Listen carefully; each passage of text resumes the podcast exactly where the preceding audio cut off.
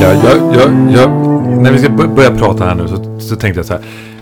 Jag ger dig några förslag och du säger nej, nej, det har vi redan pratat om. Vi kan inte prata om vad, vad vi kommer ifrån, vad vi har gjort och vad vi inte har gjort och så vidare. Jag tycker inte vi ska prata massa våld heller.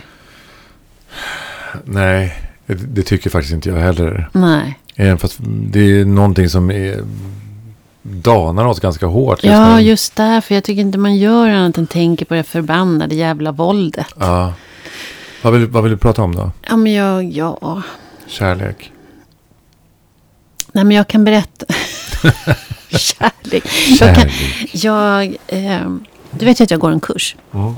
Eller jag, jag råkar ju gå flera kurser samtidigt nu. Men i en kurs då fick jag i uppdrag att göra en incheckning. Mm. Vi, i, jag skulle göra en incheckning. På. Eh, det kallas för det i vårt språk. Det här när man checkar in en grupp. Just det. Mm. Och det betyder alltså att man ska, var och en ska säga någonting. Och den som leder incheckningen då ska då få alla i någon slags mm, humör, eh, känsla och att vi ska göra oss redo för dagen. Mm. Och en del de använder incheckning till att man ska tala om att eh, jo, men jag sov dåligt i natt och sen så var det väldigt stressigt i morse och så blev Kalle ledsen på morgonen och så skulle jag lämna Olle. Men det, det tycker jag är tråkigt. Mm. Men det kan vara en bra grej att säga. Liksom, har jag med mig in i rummet nu? Ja. Men oavsett, jag skulle då göra en incheckning. Och eh, just, just den här morgonen eh, var jag lite stressad. Så jag kutade som en, bara den. Eh, jag sprang eh, 45 minuter till eh, det här stället. Så jag kommer svettig och, och eh, andfådd. Och precis innan jag ska in så passerar jag en kiosk. Och så tänker jag, vad sjutton ska jag göra den incheckningen? För jag har inte riktigt hunnit med och planera det. Så jag springer in och köper en tändsticksask. Och eh, då tänker jag så här, men det kan bli lite roligt. Man får tala så länge stickan brinner. Liksom. Mm. Ja, och så kommer jag inspringandes och så ska vi sätta oss på den här incheckningen. Och jag gör en liten mindfulness-övning mest för mig själv. Mm. För Men är det du som leder det här? det är jag som leder, det är min Ah, uppgift. Ja. Mm. Eh, en bland många andra uppgifter, det var en uppgift. Och jag, eh, ja men du vet, fötterna mot golvet, säte, lår, rygg mot stolen, lite djupa andetag. Mm. Och sen så ber jag dem att eh, berätta någonting, men de får bara berätta så länge tändstickan brinner. Mm. Eh, för det kan ju bli lite långrandigt. Mm. Ja, mm. Så att, eh, ja, okej. De ser lite förvånade ut när de ser den där tändsticksasken. Och så, ja men då börjar den killen som sitter till vänster om mig. Så tänder han då sin tändsticka och jag ser han ta sats så, så slocknar han. Och då tittar han så här med den där pinnen framför sig och så, så lite förskräckt. Så, vad, vad gör man nu då? Nej, säger jag. Nej, men tack då. Då för vi vidare den här tändsticksasken till nästa. För jag tänkte jag skulle ju gestalta liksom hur Ja. den här ska gå till. Ja. Och då gör nästa person tänder hon sin tändsticka. Men jag trodde ju att Alltså människor vet ju inte hur man håller en tändsticka nu för tiden. Nej. Man använder inte tändstickor. så, att, så hon tänder sin tändsticka och så håller hon den på det här konstiga sättet lodrätt. Och det är Aha. klart den slocknar. Ja, så den slocknar ju på en gång också. Och då blir den tredje personen runt bordet börjar bli väldigt stressad. För det börjar dofta lite mm, från den här, det här svarta. Ja. Mm. Så att hon börjar springa upp och vädra. Och tänder, för tänk om det börjar brinna, alltså det börjar den här ringa, den här Ja, eh, brandlarmet. brandlarmet. Och så tänker jag, konstig incheckning det blev. Och alla bara, vad är poängen att det, man får inte säga något?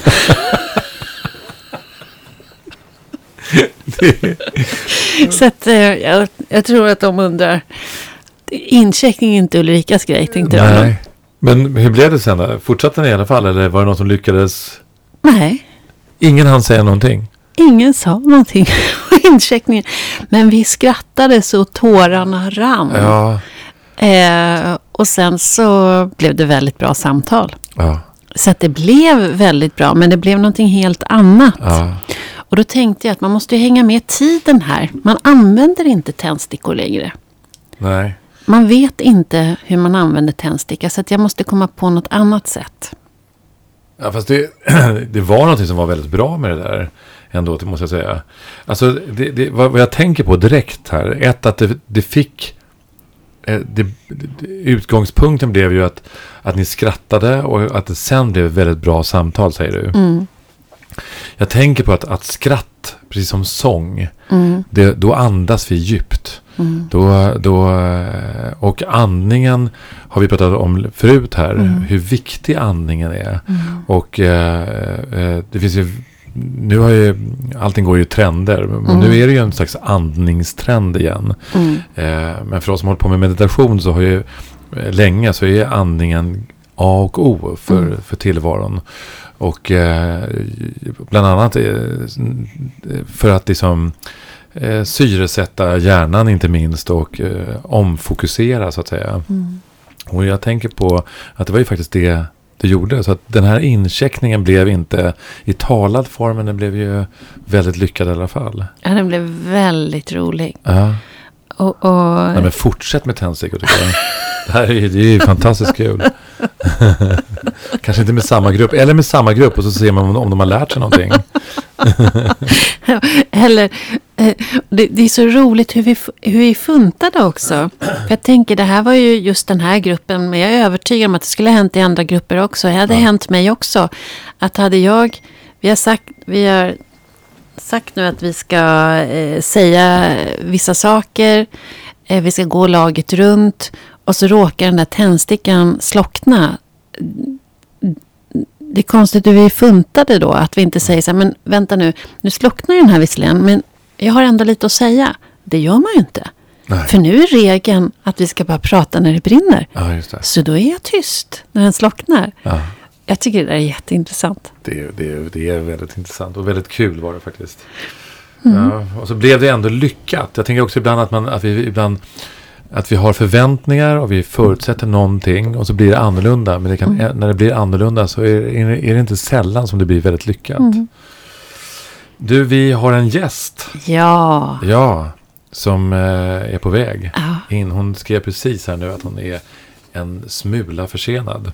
Mhm. Men bara några minuter, så det är ingen fara.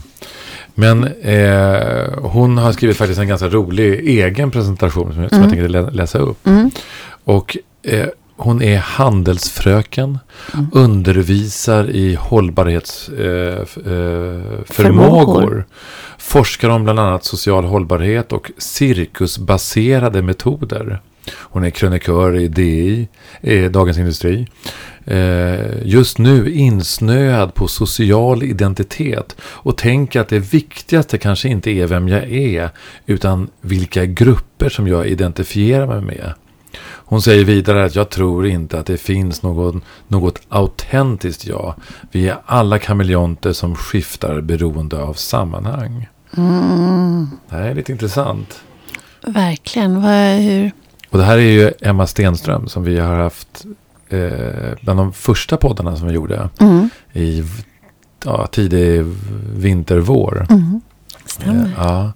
Och eh, vi bjöd ju in henne av ett speciellt skäl. Därför att när, när vi stängde av eh, inspelningen sist. Mm. Då berättade hon någonting som var ganska så oväntat. I alla fall för dig och mig. Ja, det var fullständigt oväntat. I synnerhet för att det kommer från en docent på Handelshögskolan, Aha. eller hur? Ja. Men vi, vi, jag går ner och hämtar henne så får vi se vad hon Gör säger. det. Det blir spännande.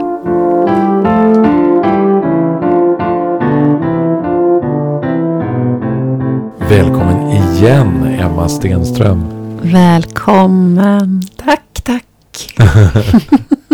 Det var ju så roligt att, vi, att du är tillbaka. Du, du, du är vår första och hittills enda gäst som har återkommit. Mm, som får återkomma. Så, ah, just Ja, precis. så- Eller som Så är det. måste återkomma. För att Ja. jag sa så mycket dumma saker sist kanske. Nej, tvärtom. Men du sa ju några saker som var otroligt intressanta tyckte vi när vi hade stängt av.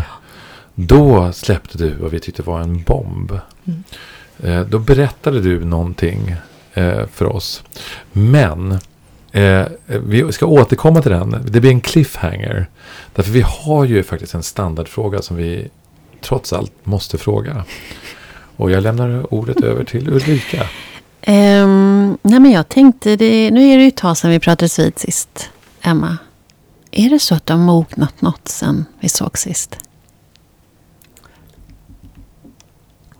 Jag tänker att mognad, för mig åtminstone, är någonting som ett tillstånd som jag lite går in och ut ur. Och eh, hade du frågat mig för en vecka sedan, Mm. då hade jag nog kanske svarat ja på den frågan. Och, men eftersom det är idag så svarar jag nästan nej. Eh, jag känner att jag är just nu på en skör plats. Eh, jag känner mig stressad. Och jag tycker det är svårt att känna mig mogen samtidigt. Mm. Så att idag känner jag mig inte särskilt mogen. Mm. Men kanske för en vecka sedan. Mhm. Då hade jag känt mig lite mogen. Och då kunde, hade jag kunnat tror jag, prata om vad som hade hänt. Och varför jag känner mig lite mer mogen. Mm. Men idag vet jag inte. Nej, du säger skör. Är skör någonting motsatsord till tillståndet mognad då? Men jag tror skör kanske till och med, det här är bara spekulationer, men kanske till och med kan vara en förutsättning ibland Mm. för att mogna. Mm. Men när man trillar ner i de där svackorna tycker jag att det är svårt att agera moget. Mm. Att känna sig mogen. Mm.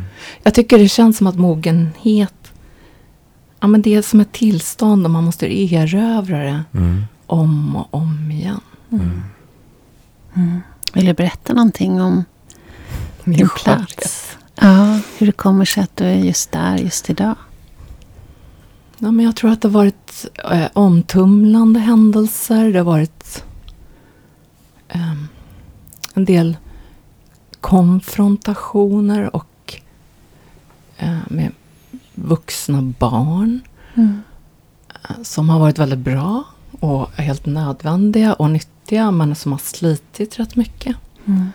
Parallellt med stress. Eh, allmänna funderingar över livet. Och lite så här härliga relationsspråk. Mm. Jag var efterlyst av polisen i natt. För att Oj. jag hade stuckit hemifrån. Där är jag. Oj! Oj! Emma, nu måste jag nästan andas lite. Ja. Och ändå kommer du hit. Ja, men jag kan också tycka att vi, vi ska inte, jag tycker inte bara visa upp den där framgångsrika fasaderna. Utan det är väl kanske också att vara lite mer mogen och bjussa även på sårbarhet. Ja. Men jag känner mig inte så mogen, speciellt inte när jag drar hemifrån mitt i natten. Det är ju inte så moget kan jag säga. Jag fick en liten påminnelse när jag träffade min son som också hade blivit larmad i natt, vuxna son. Att det kanske ändå vore bra om jag skickade ett sms till någon och sådär. Mm. Till honom till exempel. Och det har han förstås helt rätt i. Mm. Det känns inte så moget tycker jag. Alltså det gör ju inte själv att jag var inte är så mogen när jag sticker hemifrån. Mitt i Men, natten. men eh, om jag... Jag, jag tänker att det, för mig är sårbarhet är fint, det är vackert. Att vara skör är också vackert kan jag tycka. Eh, och för den som är skör, eh, när, när det gäller mig själv så kan jag tycka att det kan vara eh, både att jag är hyperkänslig, kanske överkänslig i vissa fall. Men också att jag upplever väldigt mycket. Men när, man, när det kommer till sådana här saker som att man flyr fältet. Då, eh, vem är det som flyr? Eh, eh, vilken Emma är det som Mm. lägger benen på ryggen och lämnar hemmet?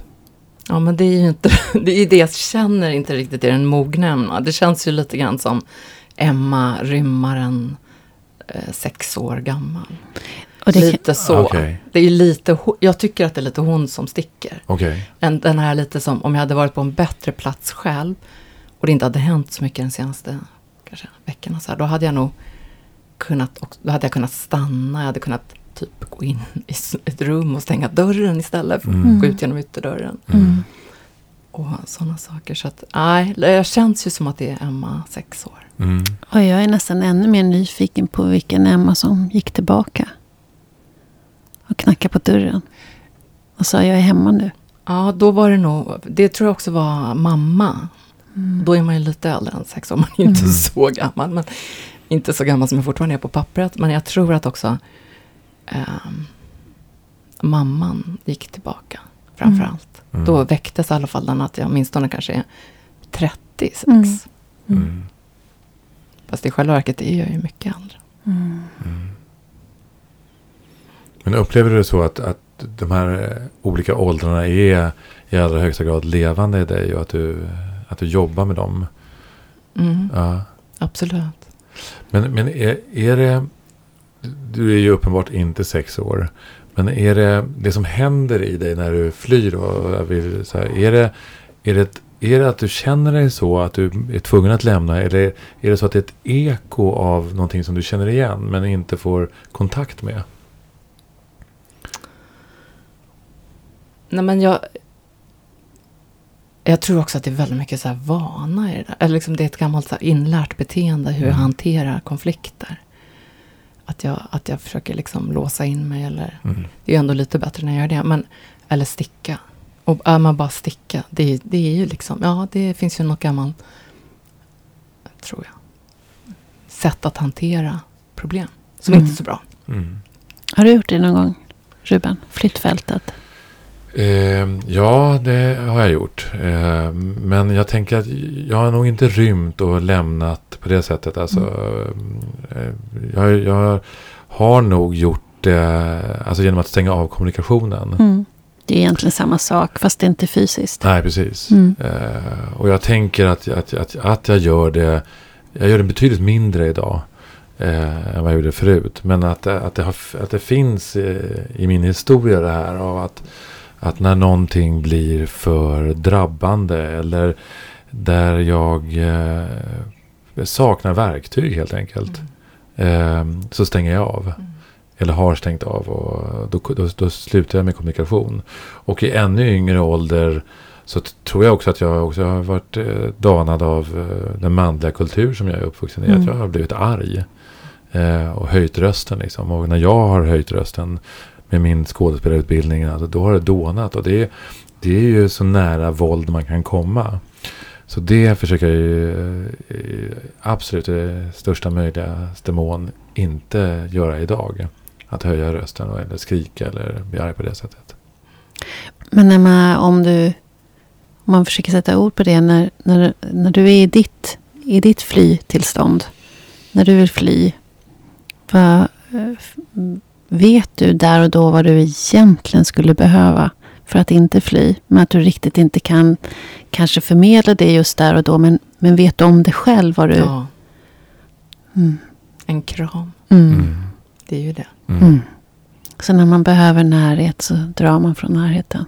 Ja, eller när man inte får närheten. Mm.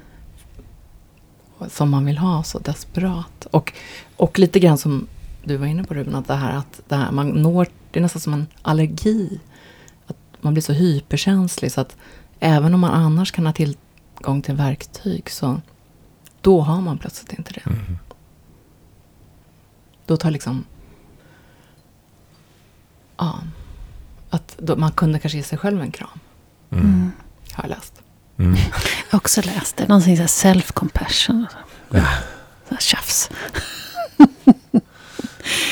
ja, men, men det där tycker jag ändå är så spännande. att ehm, Jag kan ju också bli en som flyr. Om jag blir riktigt, riktigt sårad. Men jag kan också be den andra fly. Om man nu pratar relation. Mm. Jag kan också be den andra att det är dags att... Där är dörren liksom Mm. försvinn ur min, i, i mitt space. Mm. Liksom. Det, det kan jag också, för att det gör för ont Mm. just nu. Och jag kan inte hantera det som är. Och att jag måste, och egentligen det som är i mig då, det är att jag måste få tänka klart. För, för nu är det så rörigt så jag får inte ordning på signalerna. Och jag Mm. har svårt att, tror jag, be någon annan sticka. Mm. Eller bli arg. Mm. Eh, men, och då spelar vi tror jag mot varandra lite grann Mm. i relationer generellt. Mm. Så, så jag tror. Ja, jag är en sån som sticker. Alltså. Mm. Så det är bara, ja. Mm. Fast det behöver det inte vara. Jag, jag lovar att sitta kvar här under podden. Ja, du har, vi har några minuter kvar faktiskt. Men jag tänker att det finns väldigt mycket i... Alltså, jag tänker i, min egen, i, mitt eget liv jag tänker också hur vårt samhälle är. Eh, men jag tänker i mitt liv så har det varit väldigt mycket som har varit reaktivt. Eh, på grund av eh, hur jag är uppvuxen och uppfostrad och hur samhället har sett, sett ut. Och det här med att avvakta. Eh, ta, en, ta ett, ett par djupa andetag. Eh, på ett eller annat sätt. Därför det, det, men jag försöker, i, i alla fall i relation, eh, idag, när jag känner att nu, nu, eh, nu, börjar, nu börjar jag låsa mig. Att då försöker jag bryta den cirkusen. Och säga att nu måste jag gå iväg. Jag måste gå in i ett, ett annat rum. Jag måste stänga av. Jag, vi, får, vi får ses om två timmar igen. Nej, vi ska fortsätta prata. Nej, det ska vi faktiskt inte göra. Eh, för det, det, här blir inget bra. För jag känner, och det, det, det kanske, eh, och det måste man lära sig att, att tyda varandra, tänker jag, just i en relation. Jag tänker också att det handlar om att den andra ska stå ut med det. Ja, just att det. stå Ja. ut med avståndet när Ja. det enda man vill ha är närhet. Att det är ju Men det är det vi den här vill dansen. allihopa. Ja, fast man, man kan ju reagera olika på osäkerhet. Ja. En del vill ju vara ännu närmare då, Ja, tryggheten. Och, och vissa behöver avstånd där och då. Och om man då är olika, vilket man tenderar ibland att vara, att det blir en dans.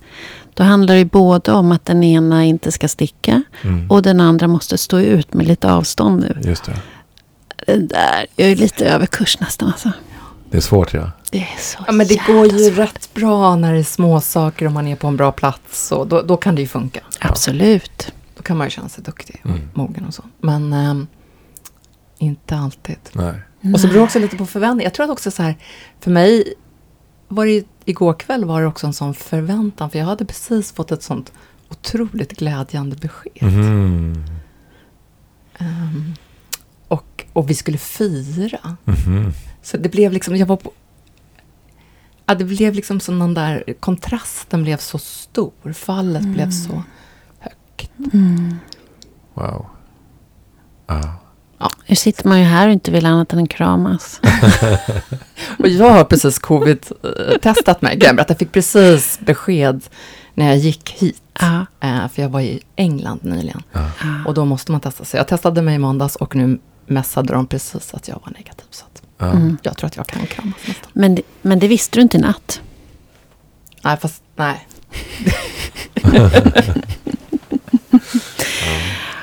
Oj, oj, oj. Jag tänker på, du nämnde en annan, ett annat ord. Det har vi inte pratat om här faktiskt. Men, men det där när man är som vuxen och får vuxna barn.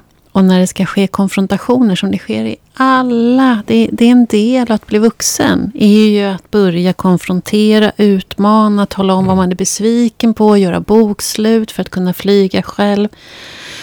Och som förälder är, tycker jag att nu, jag har ju ingen aning om vad, vad du pratade om, men det jag associerar till är ju de här samtalen som kan vara så fina men också så, alltså så smärtsamma. Mm.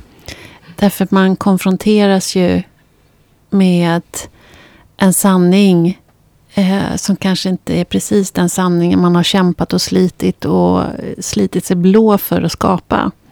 Men det kanske inte ni känner igen alls, eller? Det har inte ni varit med om?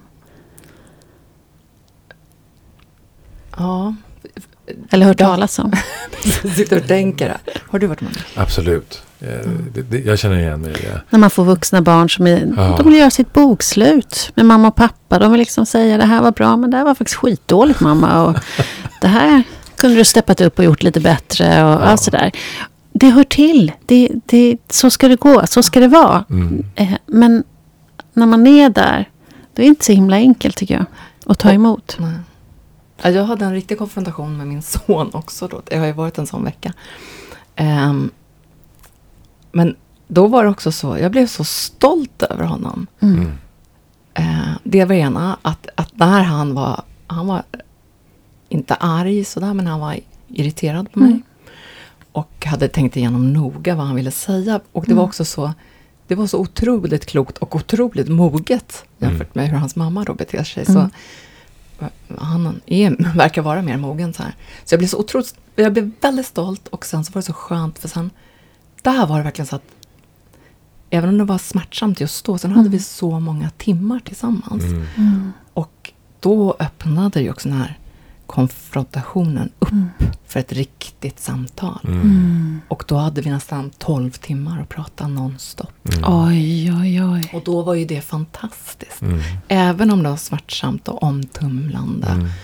så kändes det som att där hade vi verkligen tagit ett kliv upp. Ja, Men där var ju nödvändigt med konfrontation. Det är ju ofta det. Alltså. Det är ju Lite det. konflikter krävs nog för att vi ska utvecklas. det tänker jag också. Jag, jag, tänk- jag tänker också det. Och jag, men jag tänker också att det är...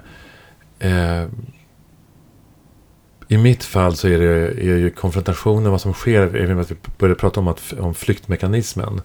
Min rädsla är att, att det ska bli ett, eh, ett slut eh, när det gäller barnen. Att de säger så här, jag vill aldrig mer veta av dig.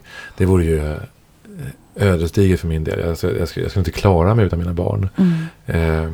Eh, eh, men det hand, där kan jag ju se hur, ut, hur utvecklingen faktiskt har skett i min familj till exempel.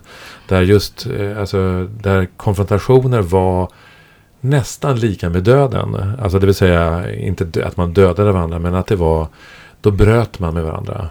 Mm. Eh, det var så hårt. Det, var så, det, var så, det fanns ingenting, det, fanns inget, det, var bara svart eller vitt. Och det här är din ursprungsfamilj. Min ursprungsfamilj. Och då kan jag ju se liksom att eh, här har det ju skett en mognad över generationer. Eh, att vi är friskare idag, om man ska uttrycka sig så. Eh, och att det finns också en, en utveckling. Att jag, och när du säger så här, att jag också var stolt över min son, sa du. Jag kan vara otroligt stolt över mina barn när de inte håller med mig. Eh, därför att det är, därför att det, det, för jag känner så här, ett i mig själv så känner jag Herregud vad jag älskar dig. Eh, oavsett att du tycker så här. Och tack och lov så tycker de ju inte De är, har ju inte några ytterlighetsåsikter tack och lov. Det vore ju en annan resa skulle jag misstänka. Men, men de, vi kan ha olika politiska åsikter eller emotionella åsikter. Eh, och där kan jag känna precis på samma sätt att att nej, det här delar vi inte. Men det har också med att vi är olika generationer. Att, att jag är far och du är son. Och, eh, men jag älskar dig och jag är så otroligt stolt över att du har kommit fram till, till, till, till där du är just nu. Eh, och det kan jag känna, apropå mognad, Mm. att det är ju en mognad i min familj. Och lovande för framtiden. Och kanske som du säger i samhället generellt också. Ja. Gen- över generation. Ja, det ska jag påstå. Det, det är den lilla bubblan, apropå bubbla som är ditt specialområde. Men det, den, jag kan känna så lite grann, eh, alltså när det gäller om, eh, ibland när man läser tidningarna och det här våldet och klimatförstöring och eh, allt det här, så kan det kännas övermäktigt. Eh, vad är det jag egentligen kan göra? Men det här kan jag göra. Det här gör jag. Det här håller jag på med i min lilla bubbla. Att förändra någonting eh, till det bättre. Det är en liten molekyl, en liten vattendroppe till förändring. Och jag tänkte på det igår. Jag undervisade mina då 20-åringar på skolan. Och då var det också så här. Det var första gången jag hade dem i ett seminarium. Så det är inga som jag känner. Och så var det en kille som räckte upp handen och mm, delgav hela klassen om vad som hade hänt när han gick i terapi. Plötsligt så tänkte jag att det här hade ju aldrig hänt när jag gick på Handelshögskolan. Mm. Aldrig i livet. Men nu var det... Och, och på ett väldigt så här, inte bara, inte bara skört sätt, utan också så här, vi lärde oss allihopa. Det Ja. var ett fantastiskt Mm. ögonblick. Och då tänkte jag, ja just det här, generation, det går lite framåt ändå. det gör ju det faktiskt. Och min son, jag tycker liksom hans maskulinitet ser väldigt annorlunda ut än min pappas generation. Just det. Mm. Även Verkligen. Ja, din generation. ja. Fast jag tänker också med tanke på det när vi pratar, går framåt med generationer och, och maskulinitet och så. Sen har vi, samtidigt lever vi just nu med ett mord. Med en annan gruppering. Där eh, det finns en maskulinitet som är riktigt, riktigt, riktigt ryslig. Mm. Och en grupp som kanske inte pratar om terapi. Och, så allt det här pågår samtidigt. Så jag tänker samtidigt som en viss del går framåt. Så känns det som en annan del backar. Och de här processerna finns samtidigt med varandra. Ja, ja jag Eller? håller med. Absolut. Och det finns även andra sådana tankar. Jag tänker att det var nog väldigt utifrån en bubbla jag sa just det. Mm. Att jag tycker att det går framåt också. Jag tror att det är liksom i min lilla bubbla. Men eh, jag tänker att det också finns andra tendenser, inte bara eh, när det kommer till gängkriminalitet och våld där, utan även, tycker jag, en del andra åsikter bland, och den här enorma skillnaden mellan killar och tjejer idag när det kommer till politiska åsikter. Mm. Den grubblar jag Jag med. jättemycket över. Mm. Att många unga killar, verkligen det är så stor skillnad att man går så åt olika håll. Mm. Och vad innebär det? Och vad innebär det för relationer? Jag Mm. Mm. grubblar mycket, mycket över det. Men jag, jag tänker, för min del är det så för att, för att, att, att verkligheten ska vara lite greppbar så måste jag återvända till min lilla bubbla eller min lilla molekyl, min familj eh, och se, se förändringen som har skett där. Och se att det faktiskt har blivit en bättre manlighet till exempel eh, i min familj. Eh, när, när jag tittar på mina söner och eh, inte minst mina små barn. Som är ännu mer, där vissa saker är helt och hållet självklara för de här 12 och 13-åringarna. Eh, som, inte var lika, som inte heller är lika självklart för 30-åringarna. Så jag, jag tänker att, att det är också ett sätt att, därför att det är det jag menar med att eh, det är klart att jag ser också gängkriminaliteten och våldet och, och att det, miss, det, det har vi pratat om rätt mycket. Men för att orka så kan jag känna att också att, att det är viktigt att se att det sker vissa förändringar även i det lilla. Absolut. Världen är komplex. Det är ju väldigt är viktigt att hålla fast vid det också, Ja. tycker jag. Att inte hamna i det här ensidiga. Eh, Det var ju också så att när vi pratade sist då, eh, eh, så eh, pratade du om bubble hopping och det är din grej liksom. Och då, då pratade du lite grann om att du eventuellt skulle byta bubbla. Eh, har du gjort det? Men in, nej, det kan jag inte påstå. Men jag har... Eh, jag gör försök att i alla fall få fler bubblor. Då. Ja. Eh, och eh, en då konkret sak, och det hänger ju också lite ihop med det vi nyss pratade om här, men det är ju att vi har eh, att vi har delvis flyttat till ett så kallat särskilt utsatt område. Då Mm. kan man diskutera den benämningen. Men eh, Hur i flyttar, Järva. hur flyttar man delvis? Ja, delvis flyttar man därför att jag just har beskrivit min relation. så att vi är lite sådär Ja. sambo, särbo, delsbo. ehm. Ja. Tanken är väl att vi ska bo kanske på heltid. Beroende på om vi Mm. liksom hittar bra förhållningssätt. Eh, där. Men i dagsläget så är det lite fram och tillbaka. Vilket Mm. jag också, eftersom jag är intresserad av att just hoppa mellan olika bubblor eller sfärer så, här, så är det, finns det någonting lite fascinerande också med de här tre hållplatserna i mitt liv just nu. Där en är här, Södermalm, Stockholm. Och en är Handelshögskolan, också Stockholm. Och den tredje är det här särskilt utsatta området i Järva. Mm. Och det, jag kan tycka att det finns ibland att jag, jag har aldrig, tror jag, grubblat så mycket över olika sorters kapital. Och då menar jag inte ekonomiskt kapital bara, men det också. Men även så här mer, ja, om det kan vara kulturellt kapital, våldskapital, socialt kapital, massa olika sådana där saker. Det har verkligen varit en... Och, och också skillnaden, jag testar det ibland eh, när folk frågar, var bor du? Så här, om jag säger att jag bor på Södermalm, Stockholm, då kommer ju direkt Mm. då möts jag på ett sätt. Det kommer ett helt annat sätt om jag säger att jag bor i Husby, Mm. Stockholm. Det är också lite intressant. Och Mm. sen har det varit en enorm, ja men en resa som är, den är ju också rätt komplex tycker jag. Därför att jag känner att jag också skulle vilja vara den här personen som bara gick in och kände mig helt integrerad i Järva. Och så inser jag att det är inte jag. Mm. Och jag tror inte heller att jag har förstått vikten av min bubbla på Södermalm. Jag har bott där väldigt länge, sedan 80-talet. Och det är alla de här tunna banden, man stöter på varandra på gatan, man känner inte varandra riktigt, man tränar på samma ställe. Man, det är liksom tunna, tunna band, det är inte bekanta ens. Mm. Men hur viktigt det är för mig för att känna mig trygg. Mm. För de allra flesta tror jag. Ja, för alla. Och det förstår, då förstår man också mera problematiken ibland. Och samtidigt så tycker jag att det är fantastiskt att ha den här förmånen att också se just den här komplexa, alltså jag är väldigt inne på det just nu, den här komplexa bilden som är så långt ifrån den här mediebilden. Eh, där jag då också bor. Där det är bara att konstatera att jag pratar mycket mer med, även om jag inte har de tunna banden, så pratar jag med människor på ett helt, mycket, mycket mer än vad jag någonsin gör på Södermalm i Stockholm, i Järva. Det finns en mycket mer småpratande i affären, Mm. eh, lite så här bland grannar.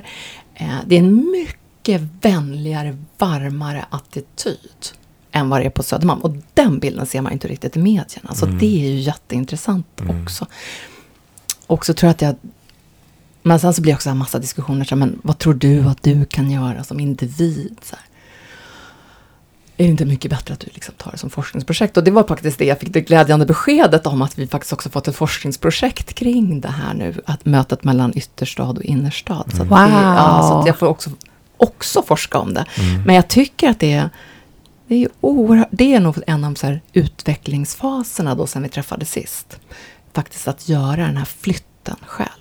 Mm. Men jag förstod inte frågan. Frågan som ställs till dig. Vad tror du att du kan göra som individ? Menar de då vad du ska pyssla med i Järva eller? Ja. Men att jag ska komma dit och förändra, det fattar jag också att jag inte kan förändra. Som socioekonomiska då, liksom. strukturer och ensam på något sätt. Ja, det är såklart, det är så här, Men hade du någonsin haft den idén nej, eller? nej, Nej. nej. nej. Nej, nej, precis. För jag, jag tänker att det finns ju... eh, Återigen det här med vad, vad är det vi kan förändra? Eh, och det är ju trots allt, eh, om vi ser det här som ett schackbräde, så har du ju dra, gjort ett drag nu. Och det förändrar ju hela bilden. Det är ju en annan bild. Eh, vad man än, det finns, finns säkert massor med invändningar varför du ska vara i Husby. Eh, och det kan man också ac- acceptera. Men det, det är ändå en förändrad bild. Och du har gjort ett ställningstagande och du är nyfiken. Och jag tänker att det är samma sak, det som nu hände till exempel nu i, i, i Hammarby sjöstad. Att då kom det folk från Järva, eh, nattvandrande föräldrar. Och sa, vi känner till det här. Vi ska gå här med er. Och nu är det folk från Södermalm till exempel som nattvandrar i Järva. Och eh, så sker också en förändring. Verkligen. Ja. Ja. Nej, men jag tänker att vi, vi, vi blir ju till i våra relationer, tänker jag. Mm. Vi blir ju till i våra erfarenheter och i våra Exakt. möten. Så att vi... Det är jättekonstigt att tro att man kan komma till Farsta eller Järva eller Södermalm och förändra det. Men jag blir ju förändrad. Och i och med det så förändrar jag i min, i min bubbla, i de mötena som Mm. jag har. Det är ju så vi förändras, tänker jag. Och sen förändras, jag tror också, jag håller med, och, men jag tänker också att, eh, att jag kan också förändra lite i den, kanske, i, i, det finns ju någon sån här syndrom tror jag. Det är många, jag tror också många är trötta på det här, nu kommer det så här, nästa ideella initiativ som ska rädda Mm. Järva. Det finns ju en trötthet på de där projekten som Mm. håller i, det förstår jag också verkligen.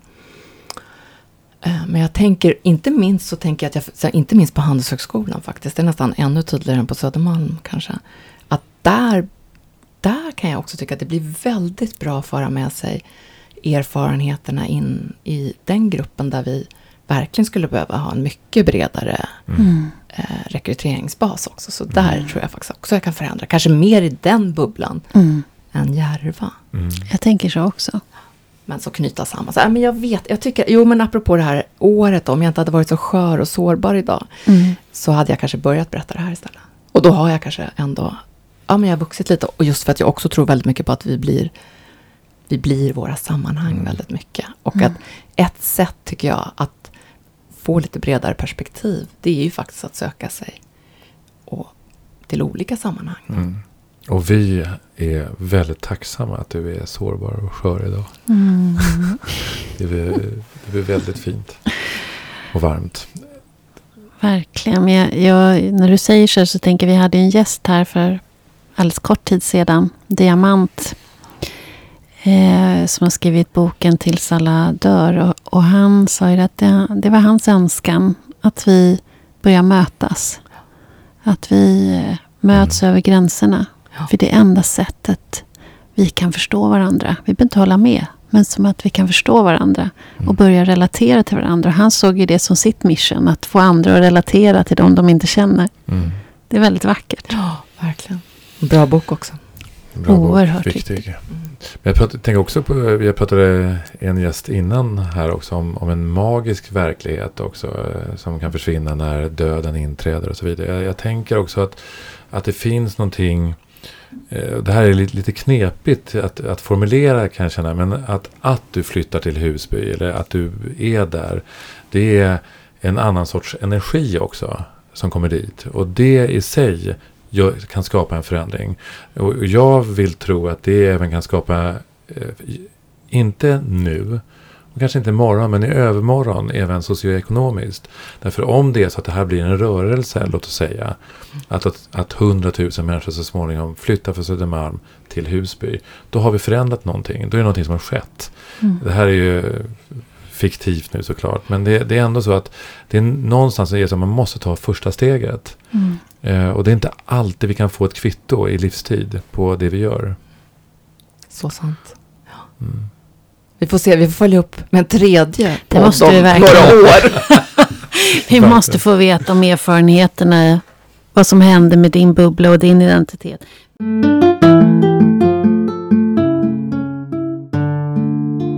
Men du, det är någonting annat. Vi pratade ju här inledningsvis om att när vi sågs förra gången så stängde vi av.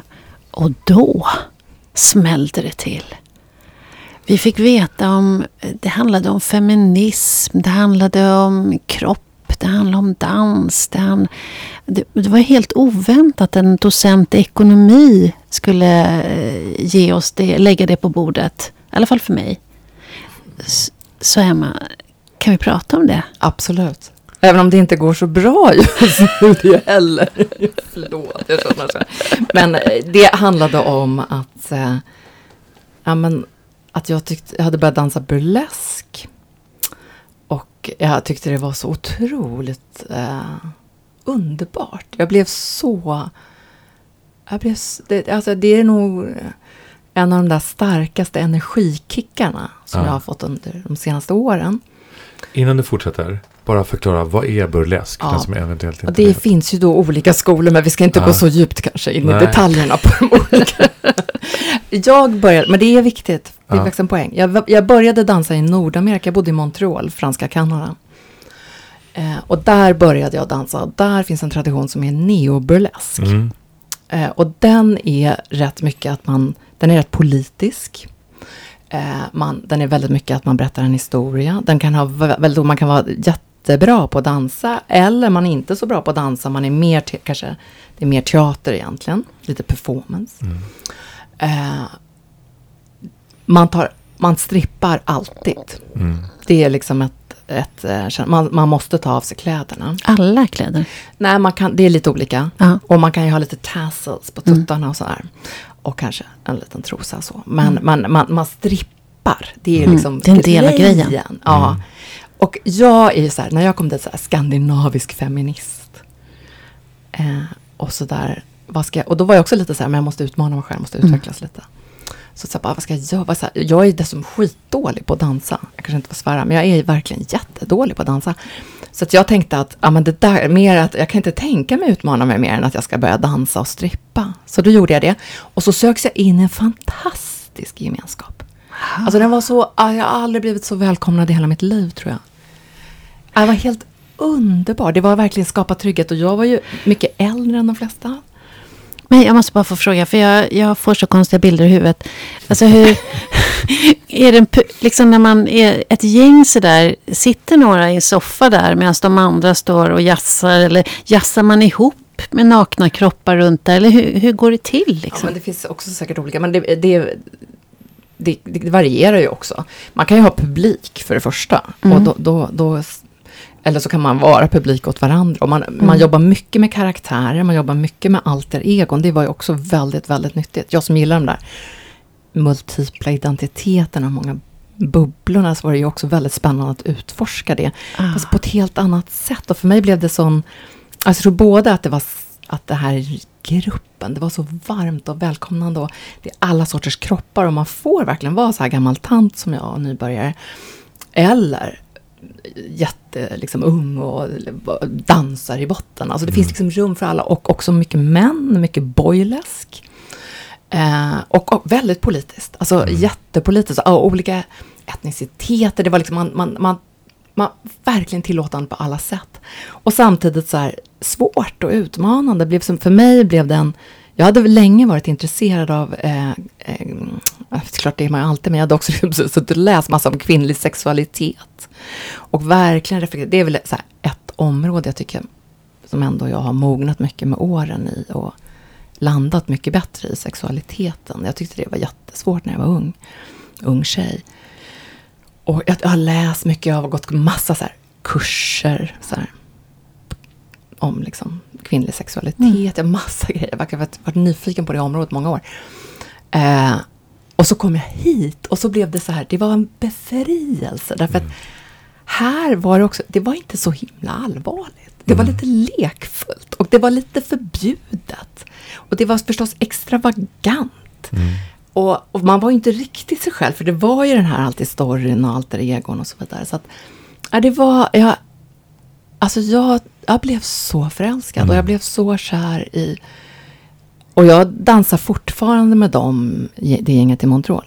Sen flyttade jag hem till Sverige och då blev det mycket svårare. Och just nu tycker jag att det är jättesvårt med burlesken. Därför att den, jag har provat flera olika ställen här. Det har varit mycket, det finns en annan tradition. Jag bodde även i Berlin, även där finns det lite annan tradition. Europeiska traditionen är lite annorlunda.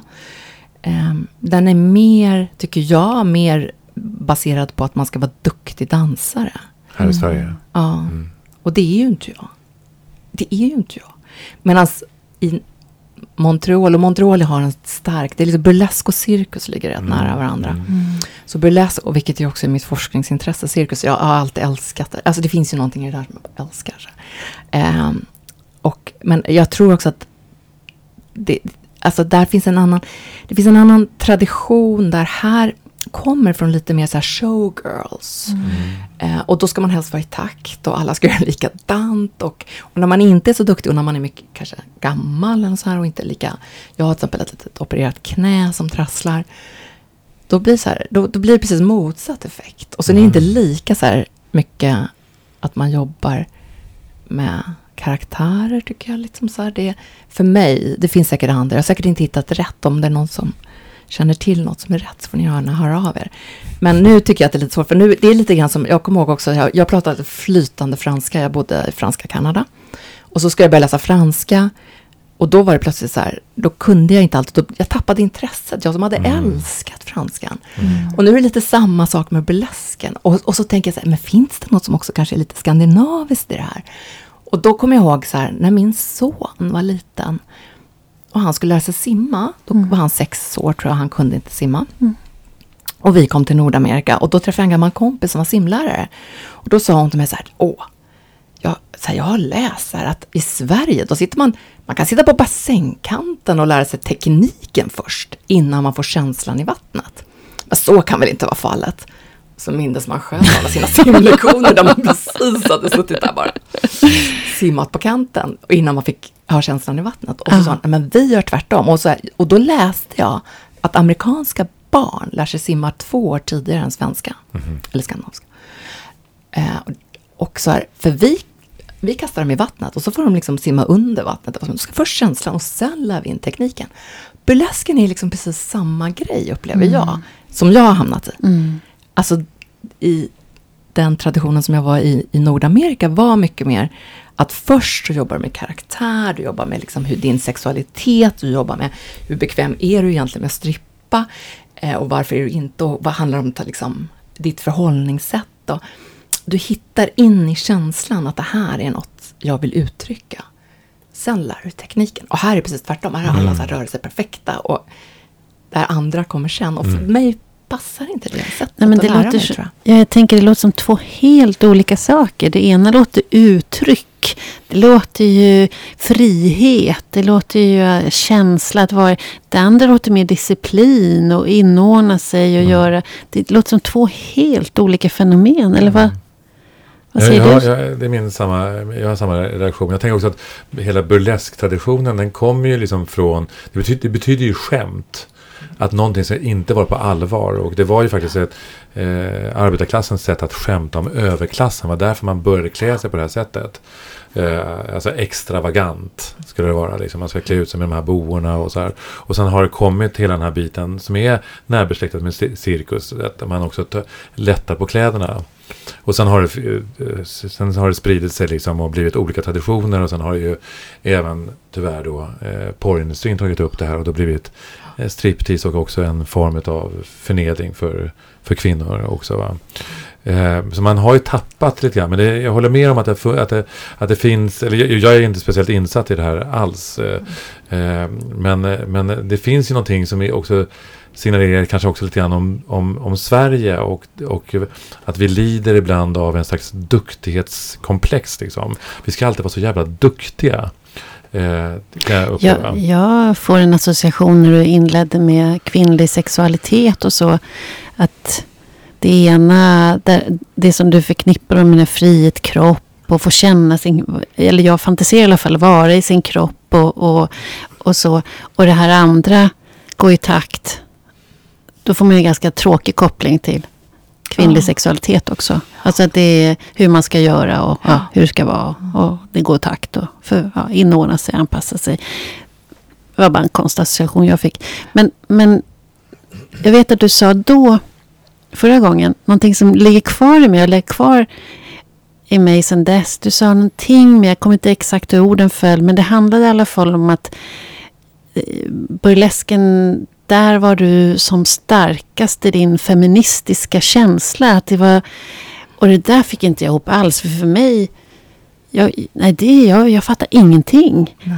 Och så otroligt spännande. Jag tror att det är också, det handlar om två saker. Det ena är det här med att liksom ha lite distans till det och att det liksom är lekfullt. Mm. Och det andra är att det faktiskt också finns en makt någonstans. Man vänder ju lite på så här, makt, det är ju ändå jag som tisar och mm. det är jag som lite har kontroll. Och, mm. eh, det, det, finns någonting där och jag väljer någonstans hur ja, jag, jag, regisserar mig som objekt på något sätt och där ligger någon slags makt. Jag vet inte, det är otroligt spännande tycker jag att utforska. Men, Verkligen. Och jag känner också, men det är också att alla som jag dansade och dansar med, för jag är fortfarande med, så nu är jag med på liksom, dator, det blir verkligen inte samma sak. Mm. Men uh, jag hoppas ju att man kan vara där så småningom igen.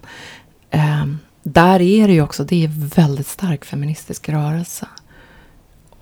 Eh, men också väldigt, den är väldigt politisk. Alltså, mm. Den är ju kanske inte alltid arbetarklass, men rätt mycket också. Alltså, det, mm. Och den är otro, så otroligt politisk och fortfarande göra narr finns ja. ju kvar på det här.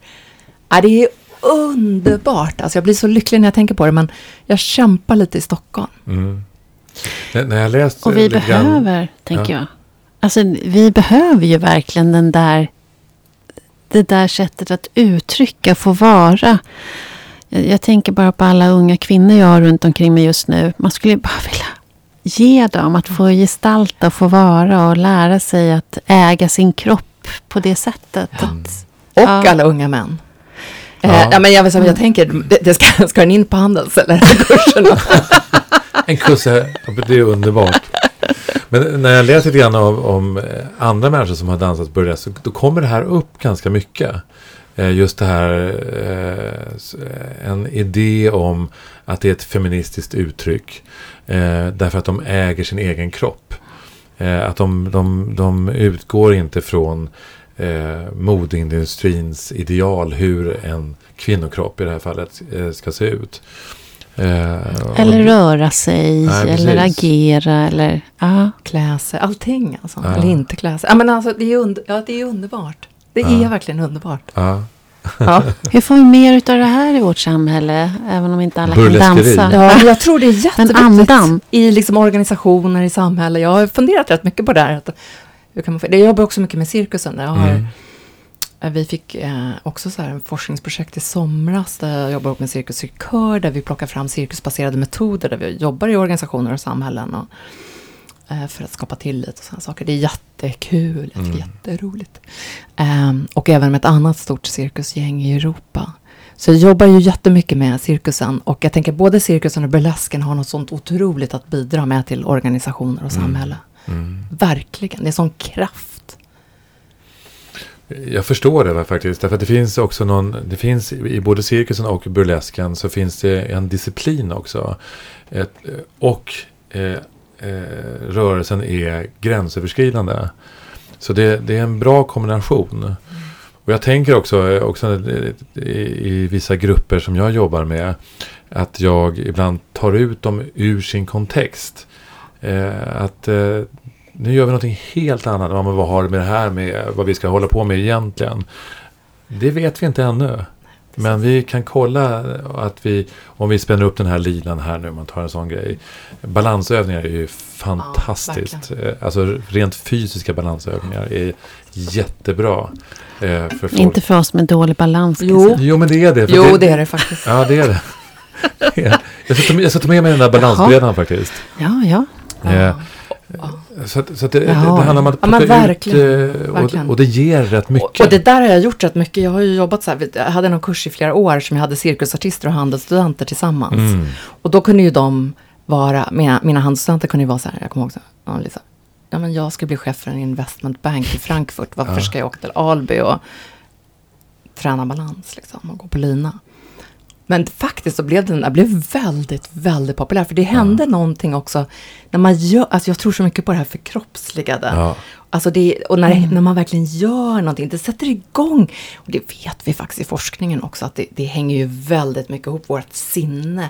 Det vidgar ju våra sinnen och vi liksom tänker lite större tankar. Det är ju det vi ofta försöker åstadkomma i akademisk utbildning. Så. Exakt. Mer cirkus, absolut. Och det har också med den berömda balansen att göra. Därför, och balansen har återigen med det här som vi pratade om förut. Med andningen att göra. För att andas du fel. Det vill säga att om du inte andas eh, balanserat och djupandas. Då, då har du svårt med balansen. Eh, så även där när man sjunger eller när du går på lina eller står på en balansbräda. Så är det någonting som sker. Eh, det är lättare att få när man jobbar med rösten med en person som har svårt att uttrycka sig med sin röst. För den kanske blir så här eller någonting så här. Och då plötsligt så ställer han sig på en balansbräda och så är det någonting som sker. Är det så? Ja, det är det. Därför att det är, man måste hålla balansen, du koncentrerar på någonting annat. Och andningen måste ner. Eh, För att du ska kunna få den här balansen. Och då kommer rösten också på... Är det så man ska göra när man hamnar i flyktbeteende? Alltså man ska ställa sig på en jävla balansbräda. Jag ska ha en balansbräda framför ytterdörren. Ja, kanske faktiskt. Kanske. Inte helt fel. Och den ska jag ställa mig på Ja, innan jag går ut. För att försöka hålla balansen. Ja, men det, det ligger någonting i det. Man, bara, man bara ser framför sig så här, när någon tittar på en och säger du, det är dags för dig att ställa dig på balansbrädan nu. Ja. Ja, men det är ju jättespännande. Sen just när man undervisar ekonomer så blir det ju alltid en massa diskussioner också om just balans till exempel. Vänta, Ja. vad balansräkning, vi håller ju på med balans Ja. hela tiden, budgetbalans, ja, men det är handelsbalans, det är ju balanser hela tiden. Absolut. Och så behöver man föra, det är också det att det öppnar upp för en annan typ av samtal. Ja. Eh, att också ta dem utanför, göra något helt, och göra någonting. Ja. Eh, och sen börja fundera på, ja men vad betyder det här? Och det, Just det. äh, blir fantastiska. Och sen är det så faktiskt att det finns ju inte någon kunskap som är onyttig. Verkligen allting går ju att förena på ett eller annat sätt. Du, kan ju få, du får ju ut någonting av det mesta faktiskt.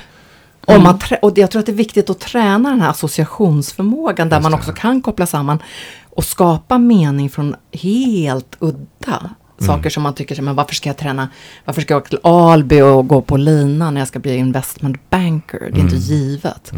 Eh, men där i sig ligger att skapa någon mening utifrån det är också en viktig del. Det kommer betyda, jag är så inne på meningsskapande också, men det, Ja, jag ska- sluta prata om det. Ja. Ja, men hur skapar man mening kring det för de som inte ser mening? Nej, men om de får uppleva det. De gör ju inte det. för Jag har ju mött så mycket skepsis då bland mina studenter. Eh, men faktiskt så skulle jag säga att efteråt är det ju väldigt många som hittar till den här meningen. Mm. Och sen också tränar de med det här meningsskapandet. Det är ja, spännande. Mm. Otroligt spännande. Mm, för jag tänker att meningen är ju det som... Det är först när vi känner mening som vi är beredda att lägga ner vår energi på det. När vi inte känner mening så zoomar man ju ut. Utan det gäller ju... Allting, grunden är ju att känna mening. Och ju starkare mening, desto mer tid, energi och kraft är du beredd att lägga in i det. Och också att vi genom meningsskapande också skapar mera gemenskap. Att eh, jag förstår dig bättre genom att eh, åka ut till Alby och gå på lina. Eller någonting annat. Eh, att de kommer till Handelshögskolan. Vi förstår varandra på ett, på ett bättre sätt, på ett djupare plan. Och jag, jag tänker hur vi började här med flyktbeteende och, och våra relationer. Att, att det, det hänger ihop. Det finns ingenting som är separerat här. Eh, men däremot lever vi ett väldigt separerat liv. Eller vi, vi försöker att vi, ska, att vi ska vara små öar hela tiden. Men det, jag, jag tror inte att livet ser ut så. Jag tror att det här är, det, det, som du beskriver här är så tydligt att, att ju mer vi hittar eh, det som, alltså, det här som du manifesterar själv, liksom att du är docent i ekonomi och så dansar du burlesk. Och att, vad det ger. Eh, det, jag, tror att det är, jag tror att det är en nyckel till väldigt mycket. Mm. Du är en nyckel, Emma. Åh, nu skulle vi haft en sån här vi, video... video nu rodnar jag. vi, vi börjar lida mot sitt slut. Ja. Och vi har en sista fråga. Mm. Emma, du som lever i Husby Delvis. och Södermalm, mm, både och. Dansar naken och föreläser på Handels och forskar. Eh, du som är nyckeln här i sammanhanget. Eh, hur sjutton får vi vårt samhälle att mogna? Vad kan vi? Hur, hur tänker du att... Jag förstår ju att det är det som en del av ditt yrke faktiskt handlar om. Att vara med och bidra till, till vuxenutveckling. Men generellt, vad tror du? Mm. Eh, men, eh, min, min enkla svar får man få.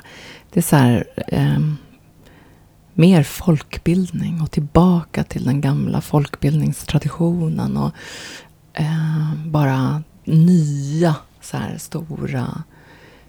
Ja, men det känns ju jätteviktigt idag. Mm. Eh, jag tror att vi behöver... Ja, men jag är ju på ett universitet, och, eller en högskola. Och jag tycker också att vi måste hitta sätt att demokratisera utbildning på ett Mm. nya sätt. Och jag tycker inte utbildning som så, högre utbildning idag, är inte riktigt bra organiserad på det sättet. Det känns inte, för det viktiga är ju inte liksom att det är några enskilda individer som går de här utbildningarna som ska mogna och utvecklas och lära sig massa. Utan det är ju verkligen, vi måste ju, alla måste Mm. ju verkligen Mm. med. Mm. Så där tycker jag vi ska tänka till jättemycket. Nu slår ju jag slag för utbildning för det. Kanske för att det är mitt område. Men jag tror ju att det handlar mycket om lärande. Och sen så är det förstås, jag, jag ingår i den här gruppen som jobbar med det som vi kallar nu då Inner Development Goals. Mm. Som heter Mindshift tror jag förra gången vi hade podd. Mm.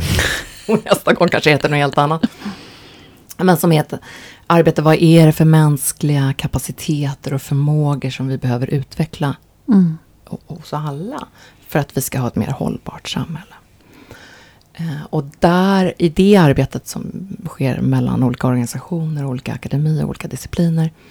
eh, Där handlar det väldigt mycket om att försöka på något sätt hitta stimul- sätt att stimulera det här. Inte minst kanske i arbetsliv, Mm. eh, organisationer av olika sorter och slag. Att man tar in det, man liksom tar den mänskliga utvecklingen. För vi vet det är ändå så väsentligt att det får en för alla, inte bara för några chefer som får gå någon fin kurs, utan alla. Mm. Um, och sen tror jag mycket på folkbildningen och omorganisering av högre utbildning. Sen behöver vi hitta andra sätt tror jag också att nå ännu bredare i samhället. Det är de som inte arbetar till exempel. Och där, där, ja, men man tänker sig folkbildning. Alltså, jag har ju bott i Tyskland och jag tycker att um, det känns ju som att, därför, alltså, det känns fortfarande som att en del folkhögskolor där alltså, det har en mer aktiv, närvarande roll överallt. Mm. Jag tycker folkbildningen är fantastisk i Sverige, ska jag säga också. Verkligen, men det skulle kunna vara ännu mycket mer. Mm. Och sen tror jag mycket på andra, men kanske kan hitta andra sätt också, att vi lär mer av varandra. Mm. Det är också väldigt, väldigt inne på. Jag märker att jag svarar allt, svarar bara utbildning. Och såklart att utbildning kan ju inte vara svaret på allt, för det vet vi. Det är också så här. Men det är inte bara det där att börja med barnen. Det är ju också viktigt förstås. Och att bra skola, absolut. Bra förskola, bra skola. Eh, och den som också en mer jämlik skola än kanske idag. Men ja, Men det är väl, en, det är väl i alla fall en Mm. nyckel. Mm. Mm. Och sen mer cirkus och burlesk. Såklart, såklart. Tack så hemskt mycket Emma för att du kom tillbaka till oss. Tack för att du var här och Tack för berättade. att jag fick komma. Tack och tack för att jag kände mig som jag fick sitta i en, i en trygg famn i alla fall. Metaforiskt. Mm. Vi är på din sida. Mm. Hej.